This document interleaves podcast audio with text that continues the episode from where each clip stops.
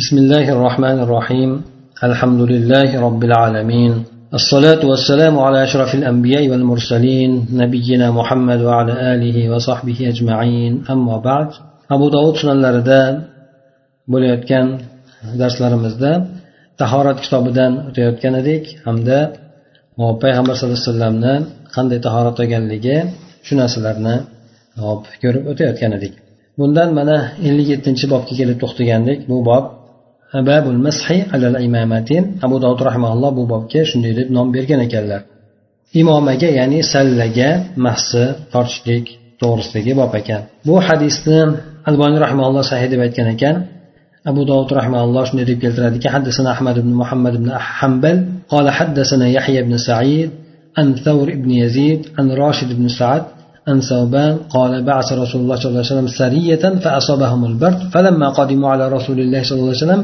أمرهم أن يمسحوا على الأصائب والتساخين hop bu savbon roziyallohu anhudan kelgan rivoyat ekan aytadilarki payg'ambar sallallohu alayhi vasallam bir guruhni jangga jo'natgan edi sariya sariya bu payg'ambar alayhissalom o'zlari bo'lmagan holatda siyrat ma'nosi bo'yicha payg'ambar sallallohu alayhi vasallam o'zlari bo'lmagan ishtirok etmagan jangda aytiladi.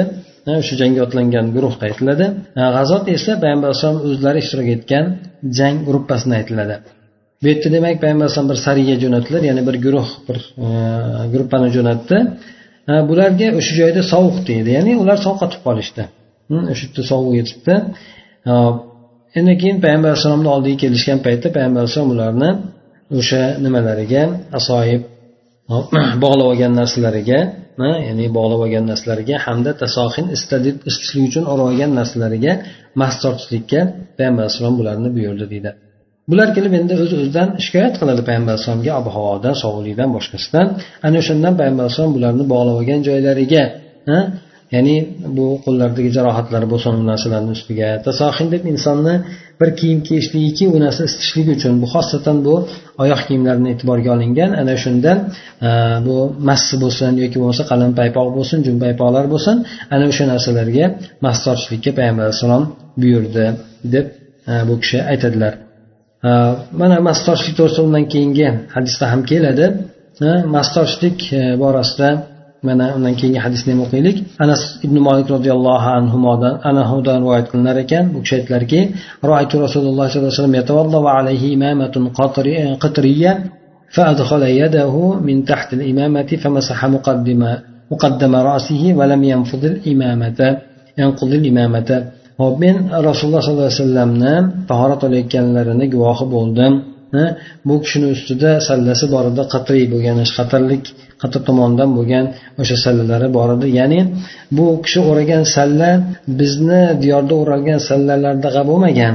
Bitta aytaylik qo'ndirib olib o'shani mahkam qattiq qilib turib olib qo'yiladigan do'ppi singari bo'lgan salla emas balki boshni o'ziga o'raladigan salla bo'lgan. Boshni o'ziga ro'molni o'ragandek qilib mana aytaylik bir agar ko'rgan bo'lsalaringiz sudanliklar asosan ko'proq ishlatishadi bu narsani boshni o'ziga o'raydi. Boshni o'ziga o'raydi bizdaqa do'ppiga o'ralgani xuddi do'ppi singari uni olib qo'yishlik mumkin bo'laveradi endi. Lekin e, bu boshni o'ziga o'raladiganda anchada o'raladi uni tahorat qilish uchun yechish kerak bo'ladi. Bu do'ppini olib qo'ygandaqa bunaqa oson emas. Shundan aytishadiki payg'ambar alayhissalomni o'raganlari shunaqa boshni o'ziga o'ralgan bo'lgan deydi. Bu kishi o'sha sallasi ham bor ekan boshlarini ustida. Keyin e, qo'llarini o'sha sallani ostidan kirgizdilar. Qo'llarini sallani ostidan bunday qilib kirgizdida bu nimani? Keyin boshini oldi tomonini mast tortdi. Sallani buzib o'tirmadi. Boshni oldi tomoniga mast tortdida keyin bu bilan sallani sallani ustidan mast tortavergan payg'ambar alayhissalom hop sallasini buzib boshidan uni chiqarib olmagan deydi. Ho'p bu yerdagi bo'ladigan hukmlar masalan salla kiygan bo'lsa inson boshiga o'ragan bo'lsa buni olib qo'yishlik biroz mashaqqat tug'diradigan bo'lsa bu o'rinda inson sallani ustiga mas tortishligi ham mumkin sallani ustiga ham mas tortishligi mumkin. Bu aytib o'tdik albatta bizdagi o'ralayotgan sallalar bundan allohu alam mustasno chunki ularni olib qo'yishlik hech qanaqangi insonga muammo tug'dirmaydi. Bundan tashqari ayollarni ham e, boshlari agar ayollar o'ragan ro'mollar agar sovuq e, mana bu narsani ruxsat berilganligi sovuq tegishligidan o'sha hop e, nomahramlar turgan joyda tahorat qilishiga to'g'ri kelib qoladigan bo'lsa yoki bo'lmasa sovuq ta'sir qiladigan darajada bo'lsa bunda o'sha ro'mollarini ostki tagidan e, qo'llarini kirgizib turib tepasidan mas tortishligi imkoniyati borligi mumkinligi bu narsa ham bundan kelib chiqadi. Undan tashqari olimlar aytishadiki sallaga mas tortishlik uch xil holatda bo'ladi. Buni to'g'risida payg'ambar alayhissalomdan hadislar hamma holat to'g'risida kelgan. Bularni birisi boshni o'z boshni hech qanaqangi a'zosizga emas balki sallani o'zigagina o'sha boshga o'ralgan sallani o'zigagina mas tortishlik bu ham payg'ambar alayhisalomdan rivoyat kelgan. Yana birisi esa boshdan bir bo'lagini hozirgidek mana boshdan bir bo'lagini mas tortishlik bilan birgalikda qolganini sallani ustidan tortishligi bu ham kelgan. Yana undan tashqari boshni to'liq hamma yog'iga sallan tagidan boshni hamyog'iga tortganligi ham bundan kelgan deydi. Shundan demak e, ba'zi olimlar demak aytishadiki massini boshga mas tortayotgan paytda albatta sallani olib qo'yish kerak degan gapni ham aytishadi. Ba'zilar esa olib qo'yishlik shart emas uni bir ozgina bo'lagini e, boshga qo'shib turib mas tortib qo'yishligini o'zi kifoya qiladi ham deb aytishadi. Ba'zilar esa aytib o'tganimizdek massini to'g'ri to'liq suratda boshini hech qanaqangi sochiga ozginasiga ham tekkizmasdan to'liq suratda sallani ustidan mas tortishligi ham mumkin bo'ladi deb aytishadi. Buni e, bu amul e, ma'bud kitobini sohiblari ham bularni keltirib turib aytganlarki payg'ambar alayhisalomdan bu uchala holat ham rivoyat qilingan shuning uchun bu uchala holat ham sahih deb e'tibor qilinaveradi inson demak holati o'shandek e, o'raladigan paytida boshga mas tortishligi bu sovuq bo'ladigan bo'lsa joiz deb aytganlar. Undan keyin tasahin deganda tasahin buni ko'proq paypoqqa ham chiqmasligiga ham paypoqqa ham aytishadi. Bu narsani oyoqni isitib turadigan narsalar deb ana o'shandan alboni rahmaulloh e, paypoqqa mas tortishlik mumkinligi to'g'risida keltirgan dalillarni ichida ayni mana shu hadislarni ham keltirib o'tadi. E, ya'ni oyoq kiyimlariga deb.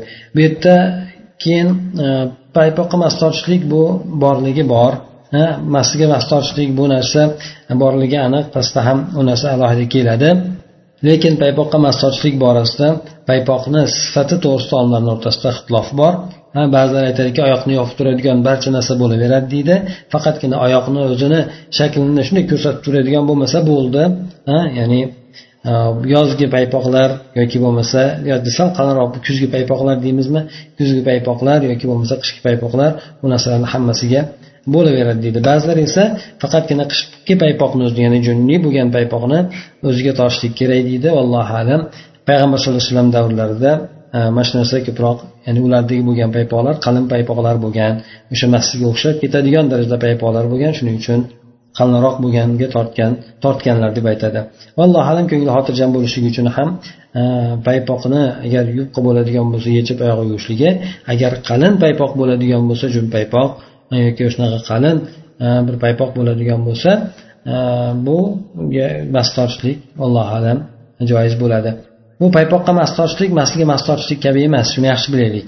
Masliga mas tortishlik bu narsa yechib turib masga mas tortmaydi e, afzali massani ustidan tortishligi paypoqqa bo'lgan narsa esa ruxsat bo'lgan narsa. Shuning uchun bundan inson ko'ngli xotirjam bo'lishi uchun oyog'ini yuvadigan bo'lsa hech qanday muammo bo'lmaydi. Undan keyingi hadisimizda rijlayn debdi.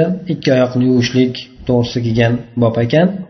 Bu hadisni mustavrib ibn shaddoddan rivoyat qilgan ekan abu dovud rahimalloh bu kishi aytadilarki roaytu rasululloh sollallohu alayhi vasallam ya'ni alboy rahmaulloh bu hadisga ham sahih deb ishora bergan ekanlar. Payg'ambar sallallohu alayhi vasallamni ko'rdimki u kishi tahorat oladigan bo'lsalar barmoq oyog'ini barmoqlarini chimchalog'i bilan ishqalar edi deb keladi. Yana boshqa bir rivoyat esa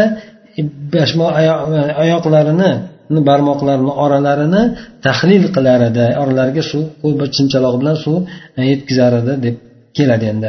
Demak bu ikkalasi ham demak dalk o'sha dalk degani oyoqni yuvgandan keyin yaxshilab ishqashlik uchun bo'ladi. Bu tahlil esa aytib o'tganimizdek suv yetmagan joylarga gumon qilingan joylarga alohida suv yetkazishlikka harakat qilishlik bo'ladi. Bu ikkalasi ham demak bu rivoyatda boshqa rivoyatda aytib o'tganimizdek oyoqlarni orasiga tahlil ham qilingan dedi. Bu narsa hech bo'lmaganda inson bir marta qilishligi kerak bo'ladi. Toinki o'sha oyog'ini orasida xosatan e, suv kamroq bo'lgan o'rinlarda oyog'ini to'liq suratda oralariga suv yetmay qolishligi mumkin. Bu narsani oldini olishlik uchun alohida chimchalog'i bilan shu joylarni suv yetkazishlikka ko'ngli xotirjam bo'lishlikka inson harakat qiladi. Demak chimchalog'i bilan chap qo'lini chimchalog'i bilan oyoqlarini barmoqlarini ishqalaydi yoki barmoqlarini oralariga bir qator kirgizib chiqaradi. Bu narsa o'sha suv yetkazishlikka ko'ngli xotirjam qilishligi uchundir. Bir yuz qirq to'qqizinchi hadisda undan keyingi bobda keladiki masiga mas tortishlik to'g'risidagi bob ekan. Bu yerda mug'irat ibn shoba roziyallohu anhudan qilingan rivoyat u kishini farzandlari urvat ibn mug'ira rivoyat qilib aytadiki otasi mug'ira roziyallohu anhuni mug'irat ibn shobani shunday deb hadis aytayotganligini eshitganligini rasululloh sollallohu alayhi vasallam adala rasululloh sollallohu alayhi vasallam va ana ma'ahu fi غزوة تبوك قبل الفجر فعدلت معه فأناخ النبي صلى الله عليه وسلم فتبرز ثم جاء فسكبت على يده من الإداوة فغسل كفيه ثم غسل وجهه ثم حسر على ذراعيه فضاق كما كم كم جبته فأدخل يديه فأخرجهما من تحت الجبة فغسلهما إلى المرفق ومسح برأسه ثم توضأ على خفيه ثم ركب فأقبلنا نسير حتى نجد الناس في الصلاة قد قدموا قدموا عبد الرحمن بن عوف فصلى بهم حين كان وقت الصلاة فوجدنا عبد الرحمن وقد ركع بهم ركعة من صلاة الفجر فقام رسول الله صلى الله عليه وسلم فصف مع المسلمين فصلى وراء عبد الرحمن آه، ابن عوف فركعة الثانية ثم سلم عبد الرحمن فقام النبي صلى الله عليه وسلم في صلاته ففزع المسلمون فأكثروا التسبيح لأنهم سبقوا النبي صلى الله عليه وسلم بالصلاة فلما سلم رسول الله صلى الله عليه وسلم قال قال لهم قد أصبتم أو قد أحسنتم. bu hadisda abu mug'irat mushobi roziyallohu anhu aytadilarki rasululloh sollallohu alayhi vasallam ya'ni tabuk g'azotiga borgan paytida odamlarni yuradigan yo'ldan qayrilib burildilar deydi. Men ham u kishi bilan birgalikda qayrilib burildim. Bu bomdod namozidan avval bo'lgan edi. Hop shunda payg'ambar sallallohu alayhi vasallam bir joyga bordilarda tuyalarini cho'ktirdilar va hojatlariga o'tirdilar. So'ng u kishi hojatidan qaytib kelgan paytida men qo'limda u kishini qo'llariga suvdan idishdan suv quyib berdim. Ya'ni qo'llarini yuvishligi uchun. Qo'llarini yuvdilar so'ng yuzlarini yuvdilar. Bu kishi e, bilagini ochdilar endi ochmoqchi bo'ldilar. Bilaklarini bunday kiyimini ko'tarib ochmoqchi bo'ldilar. Bu yerda o'sha jubbasini choponini yenglari e, tor bo'lgan edi. Ya'ni payg'ambar alayhissalomga o'sha paytda bir e, rumliklar kiyadigan shunaqa jubba chopon bor edi ekan buni odatda yengi tor bo'lar edi ekan. O'sha yenga torlik qildi ya'ni qo'lini tepasigacha chiqarolmadi. Shunda qo'lini ichkariga kirgizdilarda jubbani ostidan chiqardi keyin. Ya'ni o'sha nimadan yengidan pastga chiqardilarda tortib oldilarda nimani yengini ostidan ya'ni o'shani jubbasini choponni ichidan payg'ambar chiqardilarda keyin qo'llarini tirsaklarigacha yuvdilar. Ham boshiga mas tortdilar. So'ng maslariga Э, tahorat oldilar. Ya'ni boshqa bir rivoyatda maslarga mas deb keladi. So'ng payg'ambar alayhisalom o'sha tuyalarga mindilar. Biz yurib davom etdik hattoki kelgan paytimizda odamlarni namozni ichida topdik. Bular abdurahmon af roziyallohu anhuni imom qilishib namozga taqdim qilib muqaddam qilishgan ekan. Ular bilan birgalikda e, bomdod e, namozi bo'lib kelgan paytda namozni o'qibdi endi abdurahmon af biz bu kishini musulmonlar bilan birgalikda bomdod namozidan bir rakatni o'qib bo'lgan holatida topdik. Biz kelsak bir rakatni o'qib bo'lishgan ekan. Shunda rasululloh sollallohu alayhi vasallam turdilarda safga turdilarda musulmonlar bilan birgalikda kelgan joydan safga qo'shildilar. Hamda abdurahmon afni ortlaridan ikkinchi rakatni ham o'qidilar. So'ng abdurahmon af namozni tugatib salom berdilar. Payg'ambar sallallohu alayhi vasallam esa namozini ichida tugatmaganlari uchun turdilar. Shunda musulmonlar bir taajjubga tushib yana bir cho'chidilar musulmonlar. Nima bo'ldikin degan nimada. Shu payg'ambar alayhissalomni ortda ko'rdilar hamda namozdan turib ketdilar o'zlari. Bular tushunolmay qolishdi. Ya'ni ehtimol yanidagi turgan odam e, birinchi ketib yetolmaganligini bilgandir lekin boshqa odamlar tushunolmadi payg'ambar bu holatda. Shundan tasbehni ko'paytdilar ya'ni ko'p tasbeh aytdilar. Bu arablarni odatdan bo'lgan narsa ya'ni inson taajjubga tushadigan bo'lsa ko'p tasbeh aytishligi subhanalloh deyishligida. Shuni ko'p aytdilar chunki payg'ambar sallallohu alayhi vasallamdan ular namozda avval tugatishgan edi hmm, namoz tugatish bo'lgan edi payg'ambar sallallohu alayhi vasallam salom berdilar. Keyin ularga aytdiki yana undan tashqari odam haligi avvalgi jangda askar katta bo'ladi minglab ba'zi o'n minglab odam bo'ladi. Bularni imom oldida turgan bo'lsa orqadagilar imomni ko'rmaydi ko'pincha ovozini ham eshitmay qoladi. Faqatgina allohu akbar allohu akbar degan takbirni yetkazishligini eshitib turadi xolos. Shundan ehtimol bular o'ylagan bo'lsa kerakki payg'ambar alayhissalom o'sha yerda imomga o'tayotganligini ya'ni boshqa odam o'tayotganligini bilmagandir bu yerda. Shundan demak bular taajjubga kelishdi. Hop payg'ambar sallallohu alayhi vasallam salom bergach salom bergandan keyin aytdilarki qod asobtum yoki qod ahsantum ya'ni bu roviydan bo'lgan e, shubha yo uni yo buni aytganligi payg'ambar alayhisalomni ya'ni to'g'ri qilibsizlar yoki yaxshi qilibsizlar dedilar. Ya'ni meni kutmasdan namoz vaqti kirgan paytida abdurahmon avfni imom qilib to'g'ri qilibsizlar sizlar demak o'sha namoz vaqti kirgan paytida e, shunday qilinadi degan mazmunda payg'ambar alayhisalom ularni ishlarini to'g'ri qilganligini tasdiqlab qo'ydilar. Ya'ni ehtimol bu yerda payg'ambar alayhisalomni kutmaganligidan ba'zilar taajjublanib tasbeh aytgandir shundan payg'ambar alayhisalom bu narsani oldini olib ya'ni hechqisi yo'q ya'ni juda hamma yo'q joyida degan mazmunda ularni ko'nglini tinchlantirdilar. Hop bundan keyingi hadisda yana o'sha mug'irat shobani boshqa rivoyatlarda keladiki anna rasululloh sollallohu alayhi vasallam ومسح على ناصيته وذكر فوق الإمامة قال عن المعتمر سمعت أبي يحدث عن بكر بن عبد الله عن الحسن عن ابن مغيرة ابن شعبة عن المغيرة أن النبي صلى الله عليه وسلم كان يمسح على خفين وعلى ناصيته وعلى إمامته قال بكر وسمعته من ابن المغيرة. ya'ni bu hadisda ham o'sha rivoyatda boshqa rivoyatdan kelyapti rasululloh sollallohu alayhi vasallam tahorat oldilar va peshona sochlariga mas tortdilar va nima sallasini ustiga ham mas tortdi demak bu yerda boshidan bir bo'lagiga peshona sochiga ustiga mas tortdilarda sochini o'ziga keyin keyin undan keyin sallasini ustidan mas tortdilar. Yana boshqa roviydan keladiki hop yana o'sha boshqa rivoyatdan mushobi roziyallohu anhu yana bir aytadilar payg'ambar sallallohu alayhi vasallam massiga mas tortgandilar tortardilar va peshona sochiga hamda sallasini ustidan mas tortardilar deydi. Men buni shobani o'zidan eshitganman deb ta'kidlab aytib qo'ygan ekan. Undan keyingi hadisda ham keladiki hop قال كنا مع رسول الله صلى الله عليه وسلم في ركبه ومع معي إداوة فخرج لحاجته لحاجته ثم أقبل فتلقيته بالإداوة فأفرغت عليه فغسل كفيه وجهه ثم أراد أن يخرج ذراعيه وعليه جبة من صف من جباب الروم ضيقة الكمين فضاقت فدرعهما ادراعا يكي deb keladi ثم هويت إلى الخفين لأنزعهما. قال لي دع الخفين فإني أدخلت القدمين خفين وهما طاهرتان فمسخ عليهما. وقال أبي قال الشعبي شهد لي عروة على أبيه وشهد أبوه على رسول الله صلى الله عليه وسلم.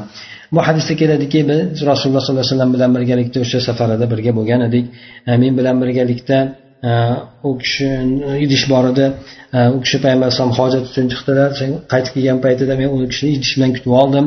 Idishdan u kishiga suv quyib berdim ikkala qo'lini yuvdilar yuzini yuvdilar.